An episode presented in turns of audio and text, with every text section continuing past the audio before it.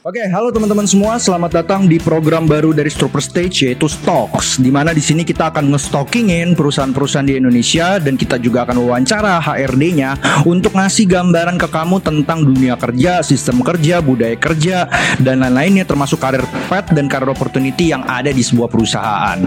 Nah, di episode pertama ini saya akan langsung uh, menemui HRD sebuah perusahaan yang memang produknya banyak dipakai oleh anak muda Indonesia hari ini. Perusahaan apakah itu? Tepatkah kalian untuk berkarir di perusahaan itu? Tetap saksikan dan ikuti perjalanan saya hari ini.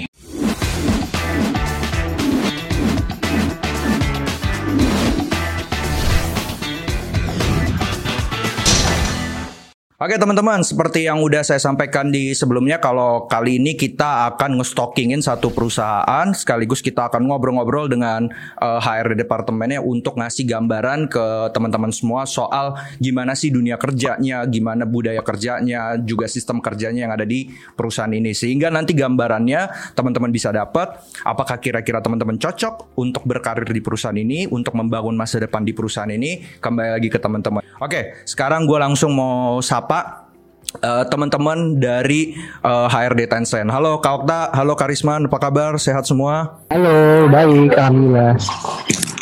Oke, siap. Oke, terima kasih Kak Okta, Karisman uh, dari PT Tencent Indonesia ya. Jadi teman-teman hari ini uh, suatu kehormatan kita bisa ngobrol sama uh, teman-teman HRD dari uh, PT Tencent Indonesia dengan objektif bersama kalau kita mau ngasih ya edukasi, mau ngasih informasi seputar dunia kerja uh, karir opportunity, karir pet yang ada di Tencent Indonesia. Nah, mungkin uh, Kak Okta atau Karisman boleh kenalan dulu uh, dan juga mungkin uh, posisi dan apa yang dikerjain di Tencent sekarang. Silakan. Oke, okay, thank you banget nih Kak Thomas. Uh, hmm. Suatu kebanggaan juga buat uh, kami tim HRD dari PT Tencent Teknologi Indonesia untuk diundang ke acara ini gitu ya untuk sharing uh, mengenai apa uh, culture perusahaan, lalu apa sih seputar dunia kerja yang mudah-mudahan akan bermanfaat ya buat teman-teman sekalian gitu. Nah, jadi uh, saya di sini uh, sama saya Oktaria. Uh, saya sebagai Head of Human Resource untuk PT Tencent Teknologi Indonesia.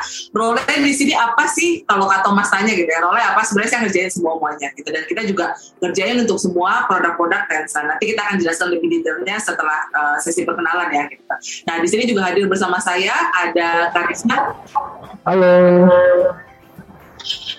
Halo teman-teman, perkenalkan saya Rizman Gumilang, panggilannya Rizman bisa. Saya di Tencent ini sebagai People Operation Manager. Jadi sama seperti Kak Okta, saya juga mengerjakan end-to-end prosesnya di HR Tencent Indonesia untuk semua produknya. Terima kasih. Oke, Kak Okta, Karisman. Jadi itu ya teman-teman, uh, Kak Okta dan Karisman dari uh, PT Tencent Teknologi Indonesia. Nah, bagi yang mungkin udah tahu, udah tahu pasti Tencent ya. Tapi bagi yang nggak tahu, mungkin kita tanya lagi ke Kak Okta sama Karisman. Kak, boleh diceritain dikit PT Tencent Teknologi Indonesia ini apa? Eh, dari mana dan memproduksi produk apa aja nih Kak Okta? Oke, cerita dikit dulu ya Kak Thomas. Jadi kalau uh, banyak banget nih justru uh, banyak yang lebih tahu uh, apa uh, teman-teman ini mungkin banyak yang lebih tahu produknya Tencent dibalik Tencentnya sebenarnya karena teman-teman pasti tahu siapa sih yang nggak tahu streaming music platform uh, Jux nih ya Jux gitu ya. Hmm. Lalu siapa sih yang nggak tahu kayak It's My Dream Mas Not Yours. Nah itu tuh salah satu produknya Tencent juga yaitu WeTV gitu.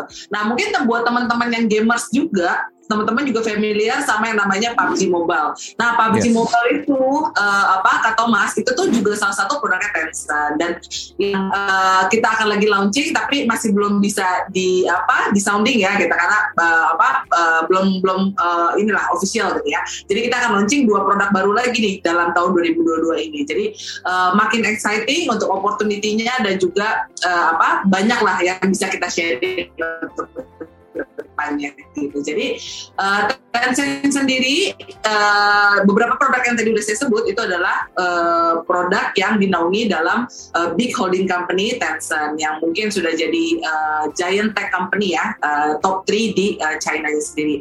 Nah headquarter kita itu sendiri sebenarnya sekarang ada di uh, China di uh, di Shenzhen gitu. Nah lalu kantornya kita sendiri nih untuk PT Tencent Teknologi Indonesia untuk PT lokalnya yang ada di Indonesia kita berlokasi di Menara Utara BCA, lantai 47 Grand Indonesia. Oke Kak Okta, nah itu ya guys, jadi uh, learning point kita ya. Jadi uh, kalau kalian main PUBG tuh, ya kan, atau sering dengerin musik stream lewat jokes atau sering nonton lewat WTV, nah PT Tencent Teknologi Indonesia nih yang memiliki holding tadi di Shenzhen Cina uh, Tencent. Nah mungkin ya produknya kita udah pakai sehari-hari dan inilah sekarang yang diproduksi oleh Tencent. Dan ini tadi mungkin menarik uh, kantornya ada di Wisma BCA ya Kak Okta ya ya kan dan Uh, buat teman-teman itu aksesibilitasnya gampang banget ya kan jadi buat teman-teman ya tinggal naik uh, eh, MRT bisa ya kan tinggal naik busway bisa naik kereta turun di stasiun Sudirman juga bisa jadi itu penting juga ya kalau kita akses Uh, uh, aksesibilitas juga penting ya. Jadi uh, kalian ke kantor kalau misalkan nanti berkarir di Tencent tuh gampang banget gitu. Bener-bener ada di tengah-tengah kota. Jadi mau naik public transportation pun gampang ya Kak Okta ya. Jadi um, ini kita mulai dari sini ya aksesibilitas itu penting teman-teman kalau kita dalam bekerja. Jangan sampai kantor eh, lokasi kantor kita terlalu jauh dari rumah yang keburu kita udah capek di jalan pas pulang juga udah keburu capek. Dan kelebihannya lagi nih ya kak ya. Jadi kita juga menerapkan uh, sistem hybrid. Jadi kita mulai bertransisi hmm. ke hybrid working yang di mana mungkin itu akan jadi salah satu benefit tambahan juga buat teman-teman yang nanti tertarik untuk berkarir sama perusahaan kita gitu ya. Jadi uh, kita menerapkan sistem hybrid uh, karena kan kondisi pandemi gitu ya. Selama uh, dua tahun uh, terakhir ini kan memang ya pandemi udah hit uh, semua perusahaan lah ya ibaratnya. Dan dan uh, apa itu nggak mudah. Tapi kita juga uh, berupaya untuk bertransformasi uh, berubah ke hybrid working culture gitu. Nah itu oh, juga okay. salah satu benefit. Jadi bukan yang mandat apa bukan yang mandatori lagi untuk teman-teman bisa uh, apa harus datang ke kantor. Es as memang responsibility fulfill, uh, outputnya juga sesuai dengan apa yang diinginkan gitu ya. Jadi ya memang kita uh, sudah mulai beralih ke uh, hybrid uh, workplace sih. Oke, okay, okay, nah. Dan itu juga yakin ya uh, perusahaan-perusahaan sekarang terutama yang tech company itu juga sudah mulai bergeser ke hybrid uh, working. Oke, okay, nah itu ya teman-teman ya key learning uh, point berikutnya bahwa Tencent sudah melakukan sistem kerja yang hybrid ya kan on office dan by remote. Jadi nanti kita akan kulik lagi ya. Nah mungkin saya langsung masuk aja dan Kak Okta ini banyak banget uh, pertanyaan-pertanyaan saya hari ini tuh sebenarnya titipan dari para community member kita. Nah kita akan ngobrol. Saya langsung mau ke Karisman dulu. Karisman, saya mau mulai dari bagian pertama nih Karisman. Ada banyak banget yang nanya soal departementalisasi organisasi. Oke, okay? jadi mungkin Karisman boleh cerita uh, divisi atau departemen apa saja, kurang lebih aja Karisman overview yang ada di Tencent dan setiap divisi ini ngerjain apa aja sih kak? Biar teman-teman ini pada dapat gambaran. Oh, kalau gue masuk divisi ini gue ngerjain ini, kalau gue masuk divisi ini ngerjain divisi ini. Tencent ini Silakan, terbagi Karisman. menjadi beberapa bisnis unit gitu kan seperti tadi ada Juk, TV, kemudian ada PUBG Mobile gitu. Nah, setiap bisnis unit itu memiliki departemen sendiri gitu. Dan actually uh, departemennya itu juga berbeda-beda gitu. Tapi mungkin ada beberapa kesamaan. Misalnya untuk marketing pastinya ya bagaimana caranya untuk promote untuk campaign produknya seperti apa gitu kemudian untuk tim konten ya um, ngurusin konten in apps-nya sendiri seperti apa gitu karena kan ada yang seperti yang di Jux kemudian di TV kemudian ada konten-konten yang memang in-house gitu. Eksklusif hanya dimiliki oleh bisnis unitnya seperti yang lagi ngetop It's My Dream Mas. Itu merupakan salah satu in-house uh, kontennya dari WTV original series. Atau kemarin Jux juga memiliki uh, konten uh, suara gitu kan bekerja sama dengan Lale Ilmanino itu juga bagian dari uh, tim in-house-nya Jux itu diproduksi barengan uh, kerjasama antara marketing, antara tim konten, sales dan yang lainnya gitu. Kemudian yang memang similar misalnya seperti ada partnership atau sales gitu bagaimana caranya itu departemen cuan ya gitu. Gimana caranya orang beriklan di platform kami atau bekerja sama mungkin dengan B2B seperti itu gambaran generalnya. Atau yang lebih spesifik misalnya kalau di Jux ada data analis gitu yang memang uh, create atau melihat nih bagaimana nih datanya seperti apa untuk di apps-nya itu. Jadi sebetulnya untuk kesempatan departemen dari departemennya banyak dan juga buat teman-teman juga dari mana pun actually bisa bergabung sih di Tencent as long as teman-teman juga memiliki yang kualifikasi yang nanti mungkin di akhir akan kami share juga seperti apa. Oke, Karisman. Jadi gitu ya teman-teman uh, lesson learning kita ya. Jadi kurang lebih di Tencent itu uh, umumnya tuh dibagi tadi ya berdasarkan bisnis unit ya. Ada WeTV, ada Jux, ada PUBG. Nah, tinggal kalian pikirin nih mau kira-kira cocok dan tepatnya akan fightnya tuh di uh, bisnis unit yang mana. Nah, tadi udah uh, Karisman udah kasih gambaran ada divisi marketing itu yang uh, campaign ya kayak ya, tadi ya. Kurang lebih kalau diulang ada divisi konten. Terus uh, sales ini Karisman mungkin koreksi kalau saya salah ya kalau teman-teman sering main PUBG kan di tengah-tengah ada iklan nah itu dari divisi sales tuh kayak betul, betul ya? Nah iya. tuh kalau kalian mau nyariin iklan uh, punya kemampuan punya kapabilitas tuh nyariin iklan buat uh, masuk di uh, game PUBG nah itu divisi yang tepat. Ada juga divisi partnership itu juga ya kayak kurang lebih ya. Betul betul. Nah itulah departementalisasi ya. Jadi teman-teman banyak pasti yang uh, kalian pikirkan mau masuk divisi mana tapi balik lagi kalian mampunya di mana uh, akan uh, siap uh, bersaingnya di mana kalian sendiri yang nentuin. Nah, Karisman ini masih Karisman lagi deh. Sekarang tadi udah departementalisasi Kak. Sekarang terkait rekrutmen nih Karisman. Pertanyaan pertama, biasanya ya teman-teman pengen tahu nih Tencent kalau buka uh, job vacancy untuk rekrutmen itu di mana kak? Apakah di job portal? Kalau job portalnya boleh dikasih spoil kira-kira di mana aja? Atau mungkin di LinkedIn atau di website karir atau di mana kak? Oke, okay. jadi Tencent juga bekerja sama nih dengan beberapa job portal di Indonesia seperti ada di LinkedIn, kemudian di Jobstreet, kemudian bekerja sama juga dengan Greens gitu.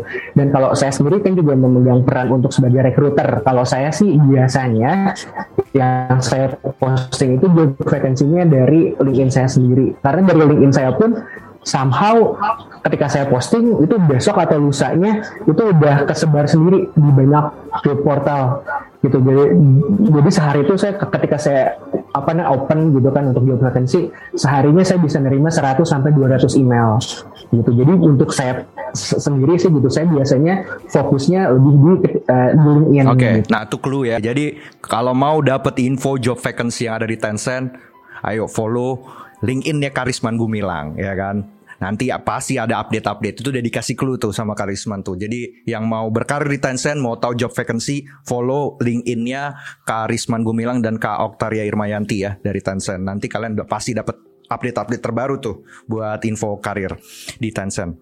Nah Karisman lanjut. Sekarang mekanisme rekrutmennya Kak. Nah, teman-teman banyak juga yang nanya, Kak, tahapan seleksinya apa-apa aja nih, Kak, biar kita bisa prepare dari mulai seleksi CV, Kak, wawancara, Kak, atau ya tahapannya lah, Kak. Ah, Oke. Okay. Jadi karena ini juga kebanyakan lebih ke fresh grad ya. Iya. Atau betul. mas ya. Iya. Oke. Jadi untuk untuk biasanya nih kalau misalnya kami membuka vacancy gitu kan, kalau misalnya itu tadi salah satunya di LinkedIn atau di beberapa job portal, itu mekanismenya itu orang akan kirim CV kan untuk kandidat. Nah setelah itu adalah proses selectionnya apakah memang memenuhi kriteria? Dan karena kan biasanya kalau saya ngasih job vacancy itu udah sangat jelas sih. Udah mekanisme dan teknisnya udah jelas gitu. Even untuk subjek emailnya aja udah saya pisahin. Misalnya untuk uh, PUBG Mobile misalnya kayak PUBG M uh, spasi nama spasi uh, posisinya. Misalnya MKT untuk marketing sosmed untuk sosmed KOL gitu-gitu. Nah jadi dari situ aja udah bisa terseleksi sendiri sih kak gitu. Karena misalnya banyak banget dari orang yang atau yang aplikan itu yang tidak memenuhi uh, persyaratan itu gitu. Kenapa sih harus pakai itu ya biar memudahkan rekruternya gitu untuk mencari tahu ini dia ke mana gitu. Nah terus juga setelah itu juga dulu nih dari kalau misalnya dari email ya dari uh, apakah ada memang uh, body emailnya gitu. Kemudian untuk CV-nya seperti apa, memang sesuai atau tidak gitu. Itu proses tahapan uh, seleksi pertama. Ketika saya sudah kumpulkan gitu kemudian saya apa namanya cross check lagi kemudian untuk yang shortlist kandidat saya berikan ke user gitu. User cocoknya yang mana gitu. Kalau usernya cocok misalkan A B C gitu yang cocok yang A B kemudian uh, tahapan pertama adalah HR interview. Hmm. HR interview lolos composition itu memerlukan assignment. Jadi assignment dulu nih kalau memang assignmentnya juga cocok baru uh, apa namanya interview dengan user gitu. Dan ada beberapa bisnis unit juga tergantung bisnis unit ya. Ada setelah dari user cukup atau juga ada yang uh, peers dan tergantung posisi dan bisnis unitnya seperti apa. Jadi nanti uh, ketika memang sudah lolos ya akan selalu diinfokan gitu. Kemudian di finalize gitu ya kak. Kami akan meminta uh, persyaratan atau dokumentasi yang harus dipenuhi, kemudian ya offering letter. Hmm. Uh, Karisma dikit, berarti nggak ada kayak psikotes gitu ya kak ya? Untuk uh, psikotesnya tergantung dari posisinya juga sih, okay. Thomas gitu ya. Oke. Okay. Terus Betul. kalau kayak ada tugas-tugas yang harus apa kayak uh, tes tugas ujian yang harus dikerjakan itu ada gak karisman biasanya? Ya, yang tadi assignment itu. Jadi tergantung posisinya juga kan ketika uh, aplikan tersebut adalah untuk graphic designer ya pasti assignmentnya harus mengerjakan KV misalnya oh, atau oh, untuk oh. yang sosial media harus membuat konten social media plan ya, strateginya ya. seperti apa. Jadi tergantung posisinya gitu tiap posisi memiliki assignment masing-masing. Nah itu setelah interview user saya Karisman ya? setelah interview dengan HR biasanya. Biasanya oh, ya, tapi betul. Oh, berarti setelah interview HR, assignment kalau ada dan baru ke interview users ya. Betul. Biasanya okay. seperti itu, tapi ada yang customize juga sih. Iya, gitu. iya, iya. Oke teman-teman kurang lebih defaultnya ya seperti ini ya teman-teman ya. Kalau misalkan ada yang berubah balik lagi tergantung. Jadi yang pertama itu seleksi CV nah ini tadi Karisma udah ngasih bocoran. Buat teman-teman kalau ngirim uh, lamaran atau application gitu subject emailnya lengkap body emailnya lengkap jangan jangan nggak lengkap udah pasti ketolak. Jadi biasakan untuk teliti dan rajin gitu kalau ngirim surat lamaran, ngirim application itu lengkap baik dari subjek maupun isi. Kalau kalian nggak lengkap itu pasti reject. Tadi Kak Karisma udah ngasih clue ya. Jadi jangan males ya. Jangan cuma ngirim CV, body emailnya kosong, subjek emailnya kosong, ayo udah pasti reject deh tuh.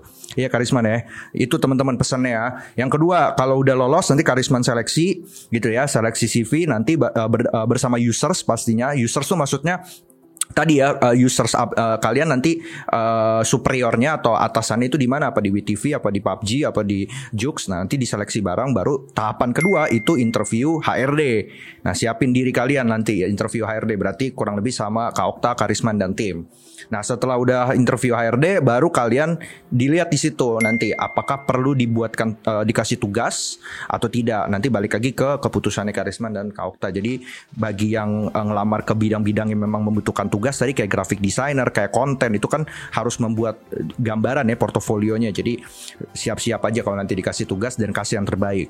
Nah, baru nanti ada interview users. Jadi interview users itu berarti interview yang akan jadi atasan kalian nanti. Nah, di situlah kalian juga bisa meyakinkan uh, para users nanti. Baru deh setelah itu uh, masuk ke tahapan-tahapan yang nanti berujung pada offering letter. Gitu ya kayak ya. Kurang lebih gambaran itu teman-teman ya. Udah dikasih bocoran. Jadi siapin diri kalian. Berikutnya Karisman. Nah, ini pertanyaan-pertanyaan uh, singkat tapi uh, lumayan kena nih. Apakah di sini dipertimbangkan Kak lulusan S1 S2? Tergantung posisi juga sih ya Bokta. Coba Bokta silakan menambahkan apakah S1 S2 S2 S1 S2 ini banyak banget nih Kak Okta yang nanya Kak uh, S1 S2 gimana nih Kak? Gitu. Oke. Okay. Jadi sebenarnya uh, baik ya tadi yang udah dijelaskan Mas Risman bahwa uh, lebih dilihat mana sih yang S1 atau S2 sebenarnya uh, patokannya adalah tergantung posisinya. Balik lagi ya. uh, ke apa kata Mas ini jadi memang kita uh, kita memang ini ya uh, mempertimbangkan bahwa uh, untuk level S1 tapi kan misalnya untuk posisi tertentu atau level S2 kan kita nggak mungkin dong misalnya uh, taruh buat level uh, social media staff atau misalnya hmm. untuk customer relation kan nggak mungkin jadi benar-benar uh, itu tergantung sama posisi apa yang kita cari gitu at certain level at certain position kayak misalnya senior business development manager ya of course kita lebih uh, apa uh, take advantages untuk posisi atau background yang S2 gitu. Hmm. Tapi ya dilihat juga untuk jadi senior business development S2 tapi belum ada pengalaman kerja, ya kan yang kita lihat kan business development adalah relation, connection, networking. Kurang lebih kayak gitu sih kata Thomas. Jadi kalau seandainya ada yang melempar pertanyaan, sebenarnya yang lebih dilihat S1 atau S2 sih ya kita nggak bisa bilang mana yang lebih kita uh, lihat. Hmm Jadi tergantung sama posisinya. Kecuali hmm. memang nanti kita kita lagi ada kerjasama, kita lagi uh, apa uh, melakukan suatu kerjasama sama tim regional untuk punya kayak uh, manajemen training gitu. Tapi belum belum launching ya, jadi masih dalam uh, proses karena kan bisnis kita juga growing uh, quite uh, significantly gitu ya. Jadi memang uh, untuk uh, level, uh, maksudnya kalau nanti ke depannya kita akan ada program manajemen training, ya pasti kita akan priority untuk yang sudah ada pengalaman S2 walaupun belum pengalaman. Okay. Jadi balik lagi ke pertanyaannya, apabila yang lebih dilihat mana sih S1 atau S2 tergantung sebenarnya posisinya. Kurang lebih seperti itu sih kan. Oke. Okay. Nah itu ya guys, jadi yang bagi yang kemarin nanya tuh ke kita kalau takut merasa rendah diri karena masih satu kalah saing. Gak usah takut. Udah ada porsinya kok semua. Udah ada posisinya. Jadi ya kan kau ya? Jadi yang posisi tepat untuk S1 posisi yang tepat buat S2 jadi masing-masing udah punya kuenya udah punya porsinya. Jadi nggak usah takut gitu. Jadi yakin aja sama kemampuan kalian. Nah kau lanjut nih. Ini juga banyak banget yang nanya nih kau nih lulusan dalam negeri atau lulusan luar negeri kau tak banyak banget yang nanya ini. Lulusan dalam negeri atau lulusan luar negeri? Tergantung ya. Pada Jadi, pada pada takut kalah saing soalnya kalau dalam negeri ya karena memang gitu, betul. Maksudnya pertanyaan pertanyaan insecure seperti itu memang uh, apa muncul ya dari dari uh, apa uh, Gen Z sekarang gitu. Karena memang hmm. ya insecurity dengan dengan uh, semakin uh, ketatnya persaingan itu sendiri. Jadi saya wajar sih kalau memang ada yang melemparkan pertanyaan uh, apa uh, uh, soal apa uh, lulusan luar atau lokal gitu ya. Tapi balik lagi kak, kalau kita ada tahap di mana karena uh, saya dan Karisma ini kayak uh, apa uh, orang yang memang terjun langsung dengan uh, apa ya uh, role kita gitu ya dan interview banyak sekali kandidat gitu ya. S1 S2 gitu ya. Uh, terus uh, lulusan lokal atau lulusan luar gitu ya. Nah jadi sebenarnya kita lihat adalah selama pro kenapa HR interview itu proses apa interview proses itu adalah HR duluan gate-nya HR duluan pertamanya gitu. Karena banyak juga dari kita yang menemukan bahwa uh, buat beberapa kandidat kita yang kita interview. Karena ngerasa lulusan luar tapi uh, apa ya uh, kurang-kurang cocok sama culture kita. Di mana kayak misalnya ada juga nih kerja pilih-pilih lalu kayak lebih ke banyak uh, tuntutan di mana dia belum tahu role dia seperti apa detailsnya. Atau di awal udah nanya nih kayak resellernya berapa gitu. Jadi ini aku sharing aja Kak Thomas ya. Jadi setuju, setuju, belum, setuju. Ya, jadi, belum, jadi belum tentu yang lulusan luar kita lebih pertimbangkan, tapi itu benar-benar tergantung dari seleksi HR pertama karena gate pertama itu adalah di HR Kak Thomas gitu. Yeah. Dan di mana HR lah yang paling tahu bagaimana sih kita meng-hire orang, kita meng-hire kandidat yang memang bakal cocok sama culture kerjanya kita. Aku kan lebih appreciate kalau seandainya baik itu yang lulusan lokal atau luar, tapi memang bisa lebih engage ke tim kita ke culture-nya kita ke timnya kita dalam artian nggak pilih-pilih kerjaan atau nggak perhitungan dalam kerjaan gitu. Jadi sebenarnya aku tidak bisa menjawab mana sih yang lebih kita prefer lulusan luar atau lulusan lokal. Enggak, bukan itu yang kita lihat sebagai HRD.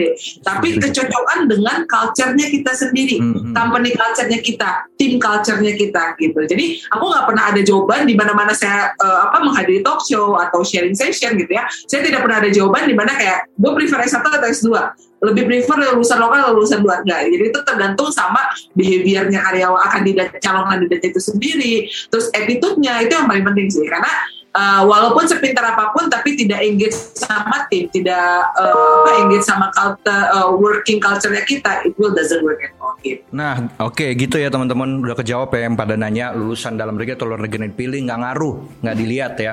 Karena HRD lebih ngelihat seberapa kalian akan engage kepada culture yang ada di tim maupun culture yang ada di Tencent. Mau lulusan luar kek mau lulusan dalam kek selama kalian bisa engage ya kalian akan melewati. Karena pintu gerbangnya ada di HRD gitu. Jadi mau kalian lulusan luar negeri mau dalam negeri pintu gerbang pertama di HRD nah di situlah dilihat kalian akan engage gak sama Tencent akan immerse gak ke dalam uh, dunianya Tencent. Nah itu yang dilihat. Jadi nggak peduli ya ujung-ujungnya seberapa kalian bisa terlihat dan bisa memang uh, secara secara organik itu memang menyatu dengan Tencent. Gitu ya Kak Okta. Nah Kak Okta, berikutnya nih Kak Okta, ini juga beberapa ada yang nanya nih Kak Okta. Kira-kira ada gak sih kemungkinan masuk Tencent dari dalam tanda kutip orang dalam?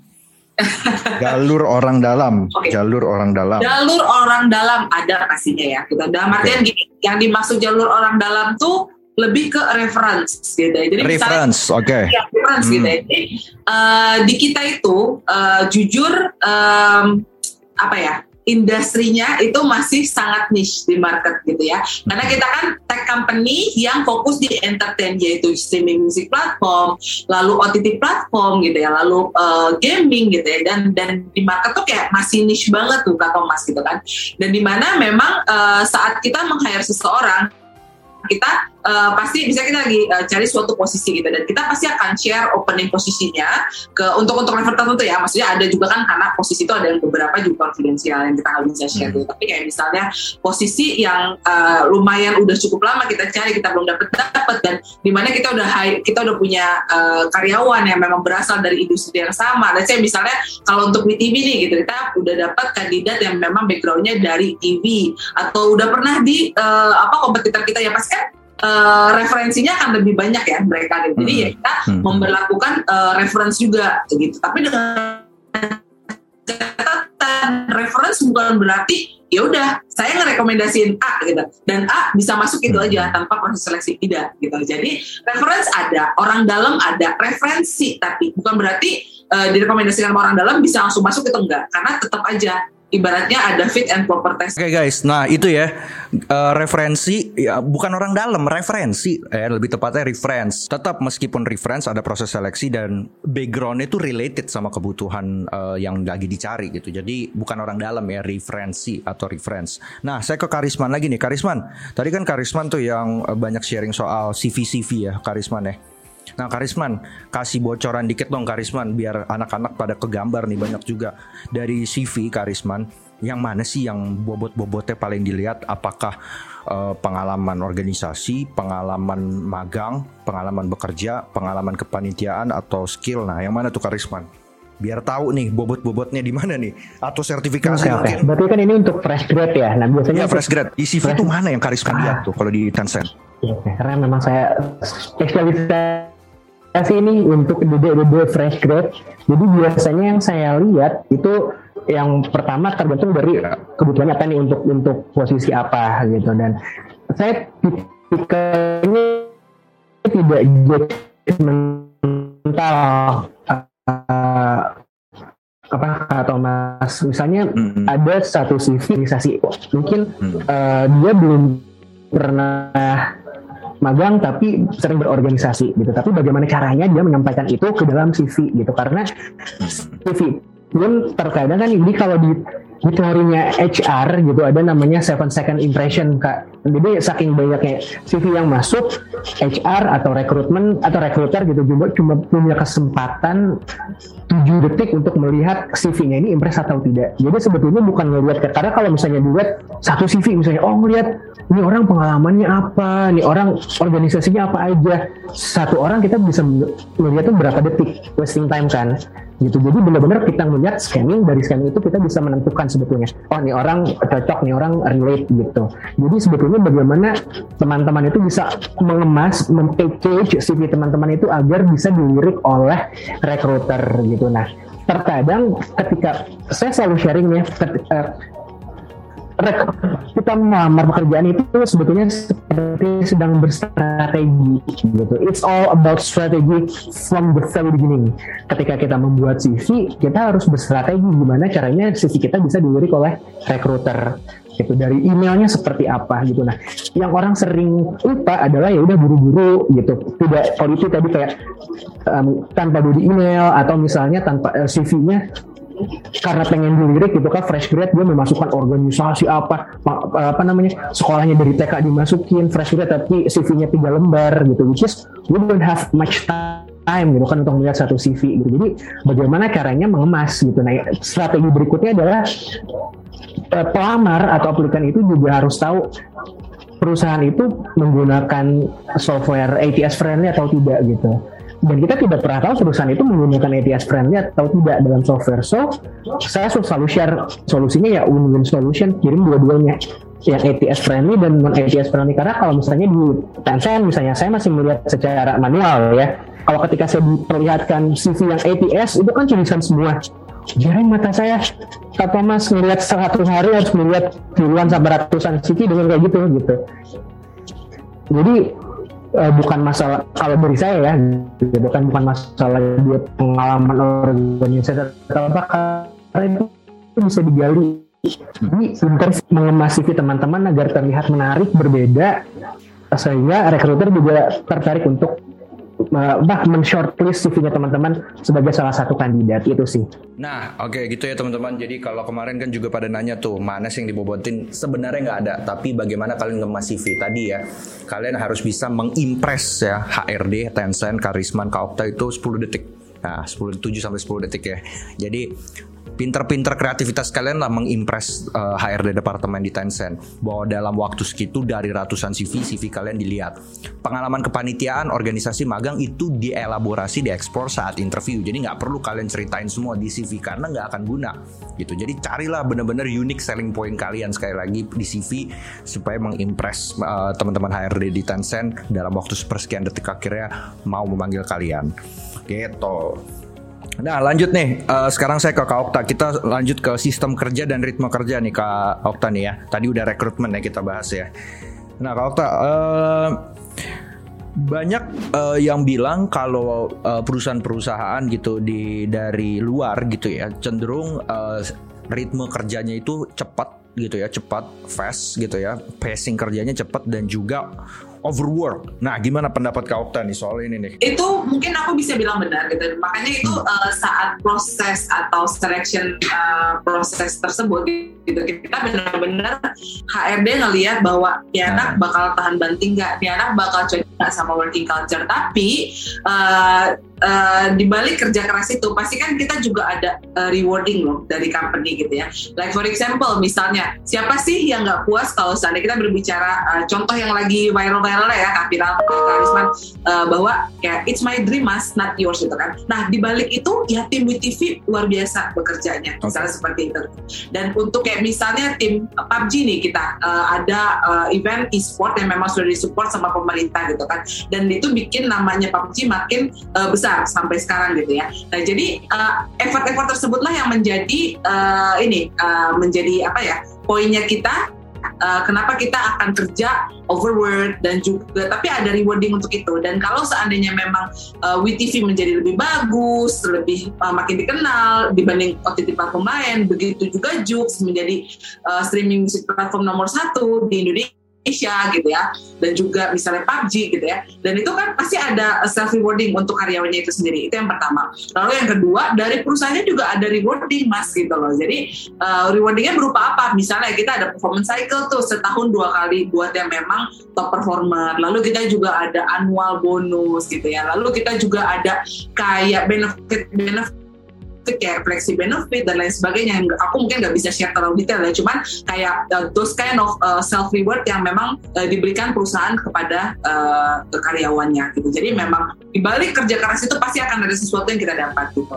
Nah uh, poinnya apa ya? Goalsnya apa ya? Memang buat bikin semua produk ETS Indonesia ini jadi nomor satu di masing-masing bisnis unit yeah. Indonesia. Setuju, setuju kalau tak. Setuju saya juga gitu ya.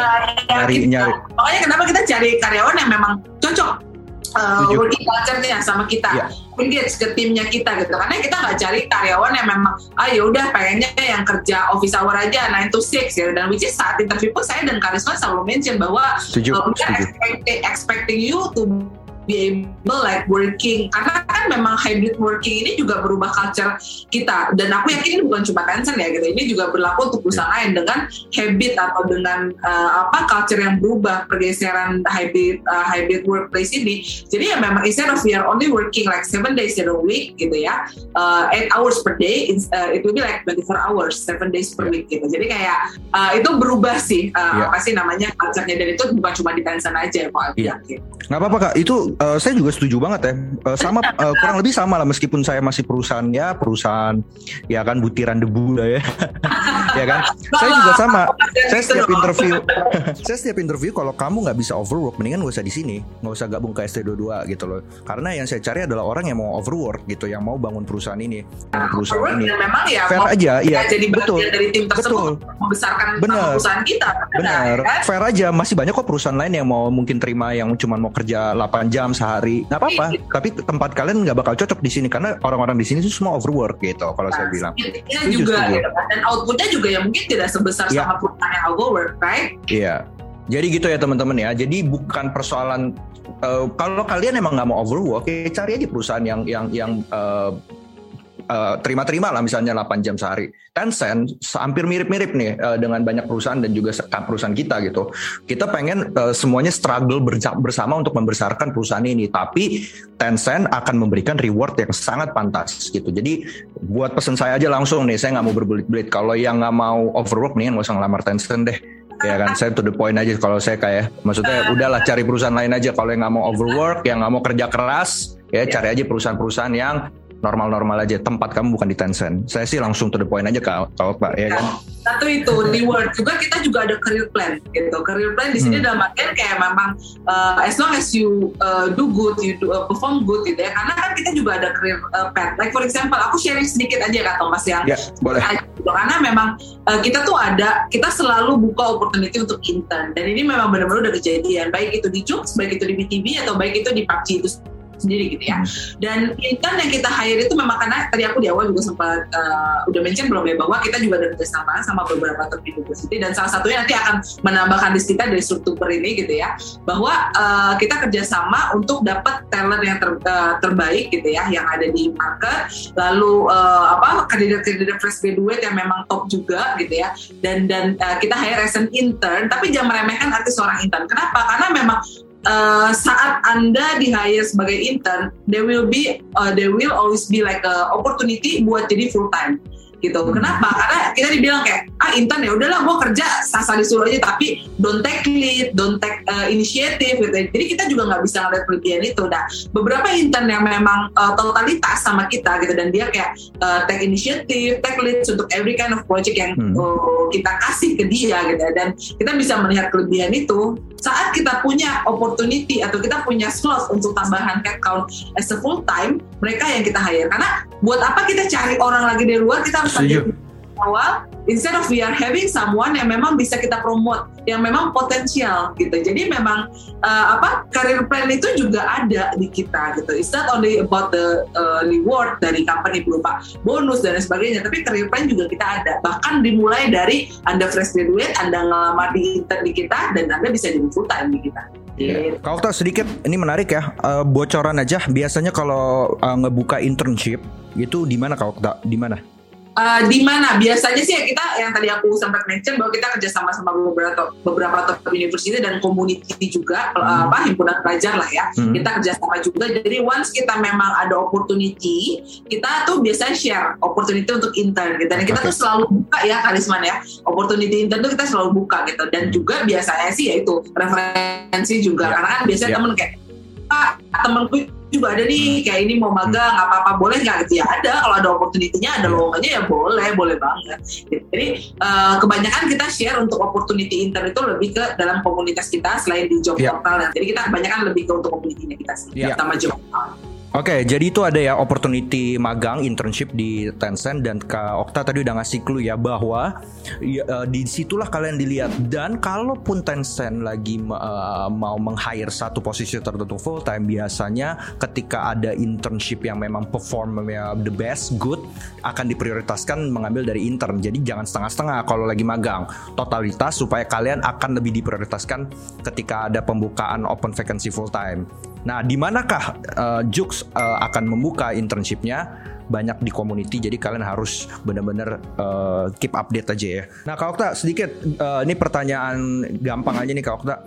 Peraturan kerja, rules ya, jam uh, jam masuk jam pulang, cuti, baik itu cuti cuti tahunan, cuti nikah, maternity leave, terus ya gitu gitulah standar-standar aja. Kritis banget ya Kak Thomas belum masuk aja udah nanya tuh kayak Yoi. berapa gitu. Ya, apa makin ke sini tuh makin uh, tertarik sih sama gadget zaman sekarang gitu ya karena yeah. memang uh, makin kritis mereka itu gitu. Iya, iya, iya. Pertanyaan yang seharusnya ditanyakan saat final offer udah ditanya di awal. Oke, okay. jadi aku share sedikit aja. Kalau sering untuk office hour, kita normal ya. Kita berbicara yeah. normal working hour adalah 9 to 6. Uh, 9 to 6, oke. Okay Friday gitu ya. Cuman baik lagi ya karena kita in transition untuk ke hybrid workplace ya. Jadi kita tergantung. Jadi kayak misalnya justru kayak uh, entertainment industry seperti kita banyak tuh kayak kita justru press con saat di weekend dan yeah. lain sebagainya. Jadi memang you have to be able at any time while we need you gitu kan intinya. Yeah. Tapi secara standar normal normal office hour kita tuh Senin sampai Jumat dari jam uh, eh, 9 sampai jam 6 gitu ya. Lalu untuk cuti setahun ada 12 tapi kita hitungnya prorate jadi sebulan dapat satu ya. Nah untuk tiga bulan pertama karyawan yang baru join itu belum eligible untuk dapat uh, cuti, tapi by the time di bulan keempat otomatis cuti ada empat. Jadi total sih kurang lebih uh, setahun 12 kecuali untuk karyawan yang masa kerjanya sudah lebih dari lima tahun itu dia eligible untuk bisa dapat cuti setahun 15 uh, hari ya. Nah, karena ini bagian apa salah satu dari rewardnya company juga ya. ke karyawan yang memang long term yang loyal ya kan? ya. Yang loyal bener iya. banget gitu kan. Nah terus uh, untuk cuti maternity cuti, cuti nikah dan lain sebagainya. Of, of course kita uh, apa lain sama local uh, local uh, government regulation lah intinya. Kita okay. tidak apa pun jadi ya apa yang tertulis di uh, undang-undang ketenaga kerjaan itu yang akan kita terapkan itu ya teman-teman uh, basically officially uh, Monday to Friday 9 to 6 ya tapi balik lagi based on assignment based on tugas kalian ya kan kalau memang itu memang uh, ada kebutuhan di weekend ya kembali lagi ke objektif pekerjaan itu gitu ya. Itu gambaran buat teman-teman ya. Dan sekarang tadi Kak Okta udah ngasih bocoran kalau uh, Tencent lagi menjalankan sistem hybrid gitu ya. Jadi uh, karena situasi pandemi ya. Jadi ini mungkin bisa jadi opportunity teman-teman bekerja secara offline dan bekerja secara remote working Nah, maternity leave dan cuti-cutian itu semuanya tetap berkembali ke lokal uh, peraturan yang disusun oleh Kementerian Ketenagakerjaan. Jadi nggak jauh-jauh balik lagi aja ke peraturan pemerintah gitu. Gitu ya Kak Okta ya. Nah Kak Okta, saya lanjut nih. Sekarang kita masuk ke bagian benefit dan meritokrasi nih Kak Okta. Nah, uh, kasih gambaran aja Kak Okta. Uh, di luar sekarang saya bicara masalah benefit nih Okta. Oke. Okay? Tapi yang nggak jangan apa kalau yang umum ya gaji lah ya. Tapi saya uh, mungkin gaji nggak usah lah kita bahas ya. Lebih ke arah ini sih kak Okta. Lebih ke imaterial ya kalau bahasa saya ya. Imaterial berarti kayak uh, insurance gitu ya. Gambaran aja. Nggak usah detail kak Okta. Gambaran aja. Inpatient outpatient. Terus mungkin kayak uh, kalau dulu saya nih di perusahaan saya dulu ada kacamata ada check up ada apa lagi tuh ya dulu ya. Uh, terus ya kayak gitu gitulah kak Okta kurang lebih. Atau uh, bonus tadi misalnya gambaran aja nggak usah pasti ya ini gambaran ya teman-teman. Ini gambaran sekali lagi. Ya bonus salah satu dari benefit juga but bonus will be based on performance. Jadi uh, yang tadi aku sempat mention ya bahwa kita setahun tuh ada uh, performance review uh, setahun dua kali. Nah seberapa besaran bonusnya teman-teman yang di teman-teman based on performance. result. Ya tuh gitu. Iya ya, gitu ya teman-teman ya. based on performance. Jadi kalau performance kamu di bawah rata-rata jangan ngarep bonus. Gitu aja ya kan exactly. uh, gitu. Kita juga harus fair dong sama karyawan yang totalitas sama yang kerjanya ya udahlah yang penting gue kerja aja kerjaan gue beres gitu ya. Don't take lead don't take initiative gitu ya. Nah itu uh, in terms of bonus ya jadi it gonna be based on performance. And then like the other immaterial uh, benefit benar bahwa kita juga instead of we are having like BPJS TK sama BPJS Kesehatan yang di mana itu kan mandatori ya Kak, Kak yeah. Thomas ya dari uh, local government kita gitu. itu pastilah kita lain dengan itu uh, kita ada selain itu juga kita ada private insurance gitu nah mungkin uh, apa providernya apa kita nggak bisa yeah, mention, yeah, yeah. mention tahun kan bisa berubah gitu cuman yeah. kita dapat uh, local insurance-nya yang which is itu kayak memudahkan banget di mana as long as teman-teman datang ke rumah sakit yang memang kerja sama sama uh, jaringan si uh, yeah. uh, uh, insurance-nya itu tinggal swipe doang jadi nggak perlu hmm. uh, apa bayar di muka dan lain sebagainya gitu kecuali teman-teman memang datang ke rumah sakit uh, yang memang belum kerja sama gitu ya dan termasuk di dalam itu ada inpatient outpatient, glasses, benar kacamata, ya, kacamata. Ya. Apa tuh? Lalu sorry, dental juga Oh, dental, dental, dental, gigi tuh. Gigi, gigi. dental. Oke. Okay. Nah, dental. Dan jangan sedih buat teman-teman uh, atau mungkin kalau sana nanti ada lowongan untuk senior posisi uh, kakaknya atau saudaranya gitu ya, udah yang udah berkeluarga, it's also including uh, family member. Oke. Okay. Gitu. Nah, jadi tak untuk uh, posisinya dan levelnya ya. juga ya. Oke. Okay. Nah itu ya teman-teman gambaran benefit ya. Jadi kalau saya selalu bilang kalau kalian uh, mau kerja jangan melulu lihat gaji, lihat uh, komponen benefitnya utuh ya Kak ya. Kalau saya sih ngelihatnya kesehatan dulu, iyalah kan kita kerja juga pengen sehat ya. yang menarik ya kak Thomas ya yang menarik kita juga tuh ada yang namanya flexi benefit gitu baru tahun lalu tuh kita kasih uh, seberapa mau aku bisa sebutin maunya jadi kita kasih amount di mana teman-teman tuh kayak bisa mau beli uh, flexi benefit. Contohnya seperti kayak misalnya uh, karena teman-teman harus kerja dari rumah, teman-teman bisa beli kayak tools atau apa ya uh, meja atau buat setup WFH yes, teman-teman yes. buat lebih nyaman gitu kan. Jadi those kind of flexi benefit juga jadi tambahan benefitnya buat kita. Yeah. Gitu. Nah, Terus itu the best tuh Iya. Ya, kayak benefit-benefit yang memang bisa teman-teman gunakan untuk keperluan yang memang teman-teman butuhkan gitu. Iya. Nah itu tuh ya teman-teman eh, nggak uh, banyak juga sih setahu saya perusahaan yang bisa support itu ya nggak banyak ya. Jadi Tencent salah satunya yang mensupport flexi benefit. Jadi menyediakan mensupport apa sih tools productivity yang bisa membantu kalian satu FA. Nah disupport tuh sama Tencent. Jadi nggak banyak uh, perusahaan yang menyediakan itu ya. Nah terus tadi ya inpatient outpatientnya lengkap ya kalau menurut saya lengkap ya. Uh, kalian kalian bisa uh, datang ke berbagai rumah sakit yang udah bekerja sama ya ketika kalian sakit terus juga tadi ada kacamata ada perawatan gigi nah menurut saya itu udah lengkap banget ya jadi kalian dipastikan sehat ya selalu ketika uh, bekerja di Tencent karena banyak tunjangan kesehatan yang bisa kalian dapat Nah berikutnya Kak Okta, tadi sedikit ya, uh, tadi sebenarnya udah disinggung dikit sih Kak Okta. Kalau untuk penilaian tadi uh, setahun dua kali ya, performance appraisal ya, ya. Uh, setahun dua kali ya. Jadi dua kali ya teman-teman beda-beda. Kalau saya di sini itu satu tahun sekali, tapi kalau di Tencent dua kali setahun untuk dinilai performa kalian bagus atau tidak. Dan ya. penilaian itu nanti ngaruh ke bonus ya Kak Okta ya. Oh, ya. bonus okay. dan poin juga bahwa kita harus make sure di cycle setiap enam bulan itu bahwa oh ini employee keep on the right track gitu in hmm. terms of kita achieving company goals gitu ya gitu sih. Iya. Ya, terus Kak Okta, masalah sekarang training Kak Okta. Ini juga banyak yang nanya nih. Seberapa Tencent uh, support benefit baik itu internal training atau mungkin external training untuk mendevelop atau menggrooming atau menurture karyawan-karyawannya gitu. Nah, untuk saya bisa sharing ke specialized uh, training development aku ya. Hmm. Untuk saat ini Tencent pun memiliki beberapa ada vendor training baik itu yang bisa dikerjakan dikerjakan secara offline atau online. Nah untuk trainingnya sendiri uh, kami bekerja sama salah satunya nih gitu kan uh, dengan salah satu platform yang sudah mendunia, which is yang ternyata juga uh, ada kaitannya juga nih sama Tencent gitu kan di balik itu. Jadi uh, setiap karyawan juga bisa mengakses kalau mau training apa pun itu karena udah lebih dari 15 ribu training yang ada di sana bisa diakses langsung. Kemudian kami juga bekerja sama nih dengan salah satu yang job partner, ada yang memang uh, bisa untuk uh, full training gitu kan kalau dan itu bisa uh, kami berikan kepada karyawan gitu kan. Jadi ada jatahnya nih setiap karyawan setiap bulannya gitu kan ketika ada training karyawan bisa memilih kemudian untuk uh, karena kan kami juga apresiasi nih karyawan yang tadi kalau kita bilang top performer. Nah top performer kami juga berikan appreciate dengan bisa memilih training yang ada di sana gitu. Kalau misalnya kalau dijumlahkan dengan nominal wah yeah. luar biasa kan gitu. Tapi ini kita investasikan dalam bentuk training.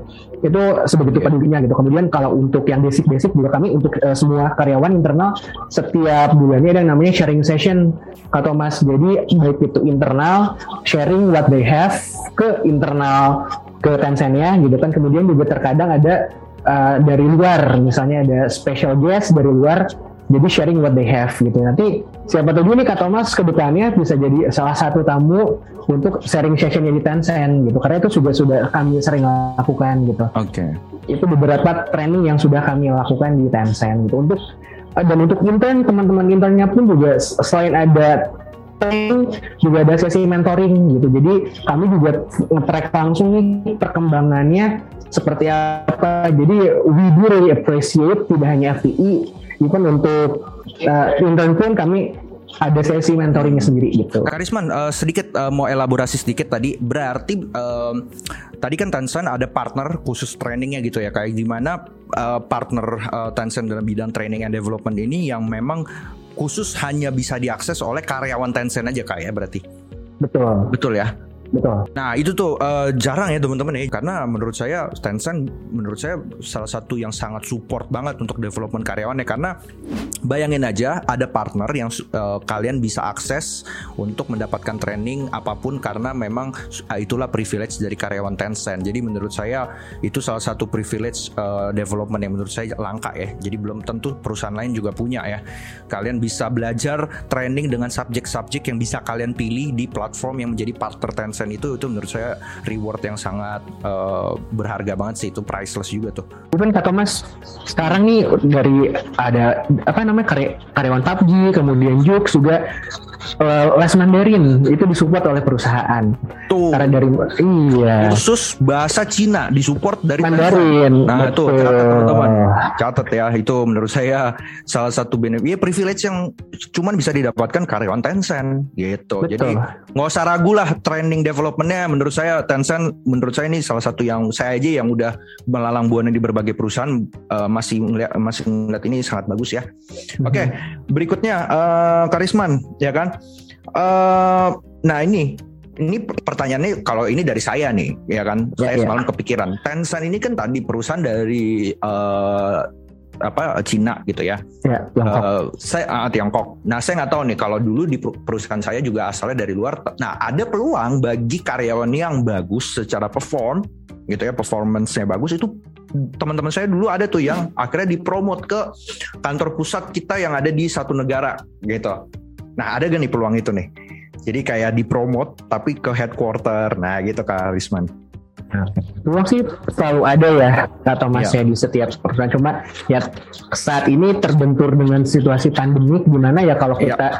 pergi keluar pun susah banget gitu kan dan biasanya kalau di situasi normal kalau teh pasti kita selalu ada uh, bisnis trip ke misalnya ke uh, Shenzhen atau misalnya ke negara yang Oh memang ada ya Kak Risman ya bisnis trip ada. Uh, ke Shenzhen kantor pusatnya di Tencent di Cina ya betul betul jadi tergantung oh, kebutuhan jadi betul ya, kemarin kalau situasi normal gitu kan ya ke kita tuh mendengar bahwa ya bisa dua minggu sekali entah dari sana ke sini atau dari sini ke sana baik itu kayak di Thailand gitu kan ada negara karena kan Tencent tidak hanya di Indonesia kak. Jadi ya. banyak banget negara ada. Nah kayak yang terdekat misalnya uh, Thailand atau enggak dari yang uh, pusatnya juga ke sini. Jadi pertukarannya itu secara hadir secara uh, langsung itu, itu kan secara uh, ekstrinsik gitu tapi ya pandemi. pandemi jadinya ya, ya susah hal ya. itu gitu. Setuju. Jadi itu ya teman-teman salah satu juga learning point nih bahwa itulah keuntungan perusahaan yang uh, beroperation di banyak negara. Ada peluang kalian untuk bisnis trip. Itu juga yang saya alami dulu. Jadi misalnya kita ke Thailand dari Thailand ke Indonesia kita ke Cina dari Cina ke sini. Jadi itu reguler teman-teman. Uh, pertukaran uh, kayak study tour kalau di kalau dulu di sekolah gitu ya kayak ya. jadi bener, bener. Uh, kalau nggak pandemi itu menurut saya kalian mungkin dalam waktu per 2-3 bulan sekali akan terus kayak gitu sering ya kayak karisman ya. Jadi betul, ke betul. berbagai negara dan berbagai negara ke Indonesia jadi bertukar-tukar aja gitu. Dan mungkin aku menambahkan kali ya atau boleh boleh kak Okta silakan. Uh, mungkin aku menambahkan dikit bahwa uh, selain memang study tour kita juga kayak transfer knowledge karena memang kayak uh, Yux uh, ada di Thailand, di uh, Myanmar, di apa Indonesia gitu ya, dan di Hong Kongnya gitu. Jadi memang kita biasanya tuh uh, melakukan sharing uh, session gitu ya. Nah terkendala pandemi ini aja sih gitu. Jadi kita memang belum uh, trip-trip dan kadang tuh kayak aku dengar cerita dari uh, pendahulu yang saya sebelum join di Tansan gitu bahwa yeah. Mbak biasanya tuh dulu ya kita tuh diundang pas annual party, annual meeting itu semua karyawan diundang ke kantor hmm. pusat, hmm. di treat sebegitunya gitu. Jadi memang luar biasa opportunity teman-teman yang eh, opportunity yang bakal teman-teman dapat once teman-teman masuk ke multinational company gitu. Jadi memang yeah. ada banget itu opportunity opportunity-nya transfer knowledge kemudian bisnis trip to the other region gitu jadi yeah. memang menarik banget sih ya dan baik lagi ya seperti yang kata Mas tadi bilang bahwa when you uh, looking for some job gitu dilihatnya hanya jangan dari package-nya aja atau salary-nya aja tapi package in a whole bahwa yeah, sebesar apa sih opportunity-nya karena one of the reason kenapa aku pilih Tencent waktu itu karena I want to have like uh, intern uh, multinational exposure buat karir hmm. aku sendiri gitu. Yeah, Jadi kayak setuju. ada opportunity-opportunity tersebut lah yang uh, jadi yeah. pertimbangan juga buat teman-teman. Nah, jadi doain aja ya pandemi segera berakhir. Nah, karyawan Tencent tuh punya punya opportunity untuk trip ya secara reguler ke berbagai negara untuk saling transfer knowledge. Itu yang mungkin nggak dipunyain perusahaan lain ya, yang memang uh, karena Tencent kan punya privilege operation di banyak negara gitu. Nah, uh, Karisman, sedikit mau nanya aja nih pertanyaan mungkin uh, teknis saja kalau masa probation ya masa probation karyawan uh, yang baru masuk itu berapa lama Kak Risman? Biasanya kalau di Tencent untuk beberapa uh, bisnis unit oh, langsung, kontrak, kontrak satu, tahun, satu tahun ya. Jadi nggak oh, ada oh jadi nggak ada probation betul, ya kak Karisman kalau untuk beberapa bisnis unit ya? Betul. Karena kan Iya, karena kan kami juga mengikuti peraturan pemerintah ya kalau di mana kalau satu tahun berjalan itu tidak ada probation. Hmm. Gitu. Kalau misalnya untuk probation probation tiga bulan, nah untuk posisi tertentu yang di mana ketika nanti sudah lulus ya lolos ya akan menjadi misalnya permanent staff apa. Jadi untuk yang teknis ini kami betul-betul mengikuti peraturan pemerintah. Iya, eh Karisman berarti ada yang uh, kontrak satu tahun ya dari situ, ada juga yang uh, tiga bulan probation, baru nanti kalau performanya bagus lanjut terus ke uh, karyawan tetap gitu ya Kak Karisman ya. Oke, Karisman. Nah, ini saya mau uh, masuk sedikit ke masalah meritokrasi ya. Jadi kayak uh, ini saya cerita dulu nih Kak Okta ya. Kalau dulu saya di perusahaan saya dulu sebelumnya, jadi kayak kita tuh kan bedanya kalau Tencent tadi setahun dua kali ya appraisal. Kalau dulu saya setahun sekali. Jadi kayak kita tuh bener-bener uh, kalau udah mau masuk, kalau saya bilang raportan kayak anak sekolah dulu di itu, wah itu lumayan tuh uh, seminggu kerja keras tuh gitu ya. Karena kita kan mau mau mau buat raport dan mau terima raport ya. Karena dari situ keluar keluar nilai biasanya A B C D gitu ya atau E. Nah, kalau nilai A nah, tadi ya naik gaji, naik B. Nah, saya mau nanya sistem appraisal aja langsung mekanismenya gimana, Kak? Jadi kalau lebih rinci ya, appraisal performance manage kalau dulu namanya kalau di saya MAP, managing appraisal performance. Nah, kalau Kak Okta gimana nih? Boleh cerita gak? Mungkin raportannya istilahnya raportannya anak Jux anak uh, Tencent. Ya, iya, ya. betul. Oke, okay, jadi um, kalau di kita betul ada setahun dua kali seperti yang saya udah mention sebelumnya. Nah, Nah, sistemnya itu seperti apa sih? Uh, kebetulan uh, untuk yang uh, dua tahun kemarin kita masih melakukan top to down untuk review gitu ya. Tapi di tahun ini kita plan untuk bisa melakukan 360 gitu. Jadi karena memang apa seiring dengan organisasi juga makin besar gitu. Jadi kita juga memang plan untuk melakukan inilah ya improvement dari segi performance uh, reviewnya kita gitu ya. Nah, selain itu nanti sistemnya seperti apa atau proses seperti apa Jadi karyawan itu akan melakukan self evaluation dulu gitu. Jadi hmm. misalnya dari KPI apa, OKR apa apa aja yang sudah difulfill, nanti di checklist. Nah, oh, oh iya ya nilainya itu akan dinilai oleh atasannya langsung atau direct uh, supervisornya gitu ya. Nah lalu dari direct supervisor misalnya nih dari direct supervisor ngasihnya, hmm. jadi kita tuh sistemnya rating, rating one star. Oh pakai bintang ya berarti kayak, ya? bukan ya, pakai huruf ya, bintang ya. Oke. Okay, nah, okay, okay. Betul. Jadi kayak memang uh, kita sistemnya rating dan misalnya nih uh, si uh, direct supervisornya kita kan nge-review gue mau kasih anak buah gue rating 5 nih misalnya gitu tapi kan kita ada yang namanya rating distribution rate juga ya kak Thomas ya. Jadi dari sekian banyak yang 3 star yang 4 star or even yang satu star uh, one star two star itu kan ada rating distributionnya. Jadi nggak bisa lebih dari itu. Jadi misalnya kayak saya sebagai manajer saya mau kasih Mas Risman untuk 5 star tapi ternyata secara rating distributionnya udah lebih atau over capacity. Jadi memang itu harus based on approval dari country directornya lagi. Hmm. jadi memang uh, setiap departemen head punya wewenang untuk memberikan nilai. Tapi final decision final approval adalah di HR dan juga di country directornya. Oke, jadi gitu ya guys, uh, kurang lebih raportannya di Tencent ya. Jadi pertama kalian adalah self evaluation dulu. Jadi uh, kalian nilai diri kalian sendiri. Nah, baru abis itu dinilai oleh atasan atau direct superior. Nah, itu kalau bedanya kalau di perusahaan saya dulu pakai huruf ya A B C D gitu ya. Kalau di Tencent bintang, bintang 1 2 3 4 5 dan setelah itu baru naik lagi ke HRD dan ya. country director. Dari situ outputnya keluar tuh. Ujungnya kalian dapat berapa oh. bintang gitu ya kayak. Ya? Betul. Buat nilainya Jadi ya. ratingnya itu bintangnya okay. itu akan berpengaruh ke percentage bonusnya. Like for example, orang yang dapat 5 star sama orang yang dapat 2 star akan beda dong percentage dapat bonusnya, percentage kenaikan gajinya gitu. Jadi fairness juga sih yang kita terapkan di sini sebenarnya. Kita lanjut ke Okta uh, Karisman. Jadi uh, ini pertanyaan juga nih tadi malam ada yang ngirim pertanyaan gini nih. Uh, ada gak sih hiburan-hiburan di kantor gitu yang kantor yang di uh, Wisma BCA berarti ya. Kayak misalnya ada mungkin gym atau treadmill lah. Ya udah deh nggak apa-apa. Saya tanyain aja deh nih titipan pertanyaan ini. Silakan okay. mungkin Kak Risman atau Kak Oka. Entertainment kali ya. Entertainment ya, entertainment lah ya untuk um, mentreat gitu lah ya. Mungkin ya. Oke, okay. Iya. yeah. jadi itu juga uh, salah satu yang memang kita rencanakan. Cuma kan kondisinya sekarang pandemi ya kata Mas ya balik lagi yeah. gitu kan uh, secara uh, apa sih um, apa ya namanya kita sebutnya kayak apa aja sih fasilitas yang kita kasih gitu ya karena memang uh, kan kita juga kerjasama sama building management nah secara kantor kita tuh kan gandengan sama namanya di Indonesia.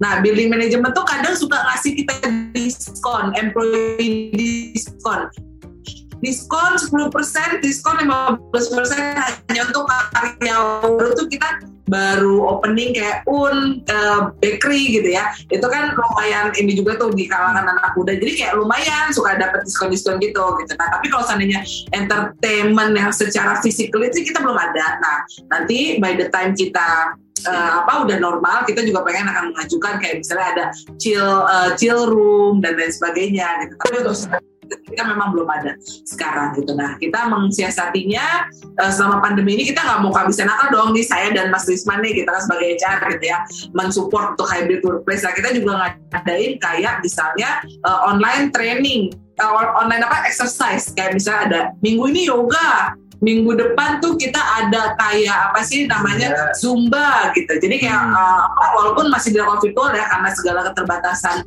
uh, pandemi yang ada gitu tapi kita tidak kehabisan otak muter otaknya gimana supaya karyawan di rumah tetap aktif bergerak dan lain sebagainya gitu. oh, jadi okay. itu bisa termasuk dari fasilitas atau enter entertainment yang kita uh, provide juga sih ke yeah. mungkin kalau di di mana Iya, dan terkadang kita menciptakan entertainment itu sih Kak Thomas gitu. Misalnya ketika Halloween kemarin karena kan sudah agak masuk hybrid gitu jadi ketika PUBG bikin Halloween party sendiri gitu kan punya hadiah sendiri gitu kan seperti itu. Kemudian dari Jux waktu itu juga kan ada yang campaign misalnya dia suara atau misalnya Artist of the Month dan itu dimanfaatkan gitu untuk uh, kita juga karyawan untuk uh, kumpul tapi tentunya juga pasti dengan menggunakan prokes gitu masuk ke sana harus uh, swab dulu dan yang lainnya gitu. Jadi masih tetap terkontrol gitu. Karena kan situasinya sekarang meskipun sudah kemarin ya sebelum yang PPKM level 3 lagi ada uh, kemungkinan untuk itu kami manfaatkan manfaatkan tapi tetap juga dengan bertanggung jawab sih. Jadi ketika misalnya ada ke kantor misalnya harus apa antigen dulu gitu. Jadi uh, kami pastinya karena kan sekarang ketika kita bersenang-senang juga kebebasan takutnya kan merugikan diri sendiri juga gitu gitu. Jadi harus lihat pinter-pinter lah gitu. Oke. Okay. Tetap menjaga prokes. Nah itu ya tadi udah dibocorin sedikit ya juga sama Kak Okta Karisma. Jadi ada kayak reward-reward voucher lah itu dari building manajemennya Wisma BCA ya. Jadi kalau mau belanja-belanja nah ada diskon lah itu privilege bagi para tenan tuh yang ada di Wisma BCA ya. Kak Okta ya. Terus juga tadi ada uh, party-party yang mungkin di momen-momen tertentu. Nah jadi uh, ya itu untuk menghealing kali ya, untuk menghealing dari uh, kerjaan supaya lebih refresh gitu gitu ya Karisman ya work but play hard untuk merefresh kita supaya tetap on track. Nah, kalau kita uh, dikit lagi nih, uh, kita bahas sedikit untuk karir opportunity dan karir pet ya. Jadi pertanyaan langsung aja ya. Biasanya menurut Kak Okta berapa tahun sih untuk uh, dipromot secara pro, uh, posisi atau grade di Tencent? Berapa tahun kan? Kalau di uh, eh, PNS kan lama tuh. Kalau kita seleksi itu comfort zone sih Kak. Jadi kan comfort kan balik lagi pilihan kita mau yeah, apa yeah. gitu ya. Kita memang pas atau yang memang uh, apa? Ya udahlah yang penting gua uh, iya. yeah. apa aman, santai gitu kan ya. Jadi ya, baik lagi sih uh, pilihan yeah. itu ada pada diri kita masing-masing ya Kak Mas. Uh, berani atau tidak kita keluar dari comfort zone tersebut. Nah, kita berbicara mengenai karir opportunity atau karir path gitu. Nah, tadi aku sempat singgung di awal bahwa yang karir path aku ceritain sedikit dari intern bisa jadi staff aja itu ya, udah termasuk karir path gitu ya. Nah, full time dari full time ke uh, naik level atau naik betul banget kita adanya grading gitu ya di sini. Jadi untuk bisa naik ke satu grading di atas itu normalnya berapa lama sih cycle career plan-nya? Itu rata-rata uh, cycle-nya itu biasanya kurang lebih dua tahun normalnya standarnya gitu ya. Nah tapi tergantung tergantungnya dari apa lagi misalnya kita ada yang uh, menyebut namanya succession plan secara lokal gitu ya. Nah kita kalau mengelaborate lebih detail akan panjang sih kata Mas. Cuman aku kan cerita secara singkat aja. Apa sih yang dimaksud succession plan di kita? Karena itu bagian dari career plan-nya yang dibuat HRD juga ya Mas ya. Jadi uh, ke apa uh, succession plan itu di mana kayak misalnya kita ada salah satu karyawan yang cukup senior, um, beliau dapat opportunity di tempat lain, which is kita happy untuk itu gitu kan, opportunity uh, uh, baru di tempat lain dan instead of kita hire dari luar, kita melakukan internal promotion. Gitu. Jadi sebenarnya dua tahun itu adalah uh, cycle normal untuk kenaikan grading ya kan? Ter tergantung dari hasil performance review-nya.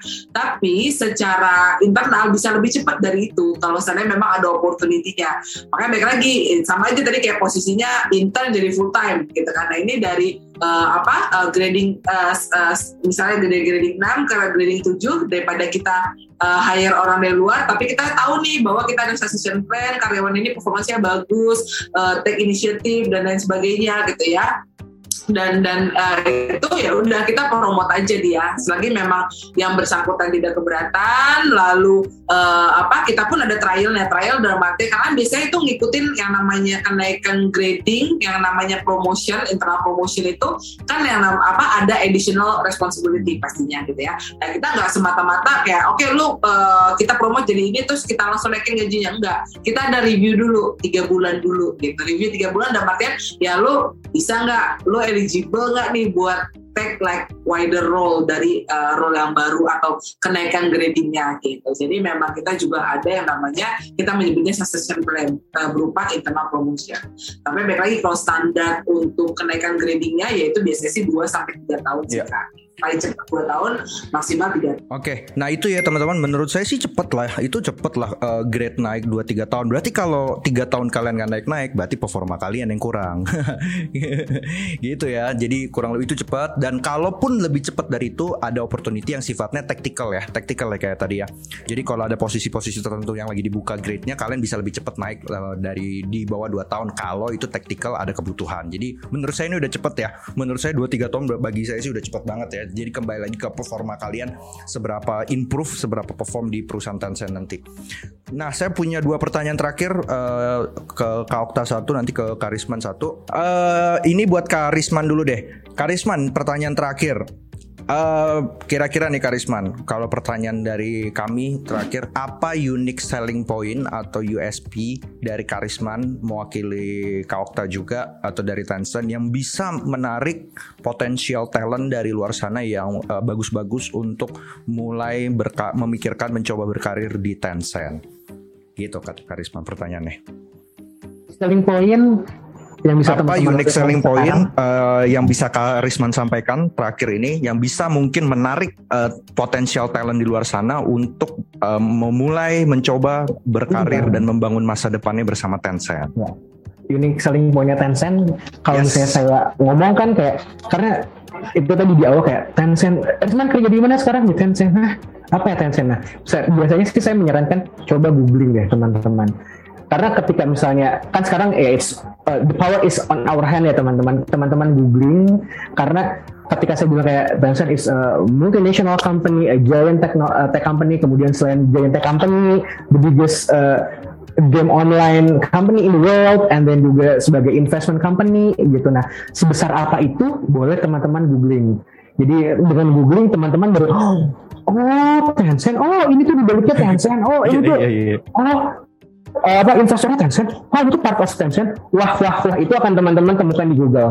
Jadi kalau saya kayak ini punya apa untuk Tencent?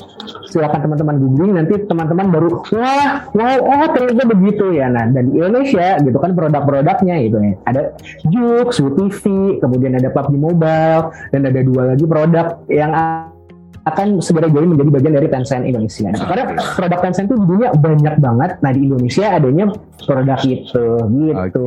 Nah ini saya suka banget nih, suka banget nih. Jadi buat teman-teman ya, nggak usah kita banyak bicara lihat aja deh ya cari aja di internet seberapa gede seberapa giant kalau bahasa saya Tencent kalian lihat aja di dunia menurut saya the biggest salah satu yang giant di dunia tuh Tencent. Jadi lihat aja, ya kan. Jadi kita nggak usah sampein secara kata-kata ya, secara wording ya kayak. Lihat aja seberapa guritanya Tencent. Kita keluarnya tuh gurita bisnis Tencent di Indonesia iya. misalnya. Ya, kalau bahasa saya bilangnya segurita apa Tencent lihat aja. Betul. Pokoknya wah, giant banget lah, udahlah. Oke, Kokta, pertanyaan terakhir.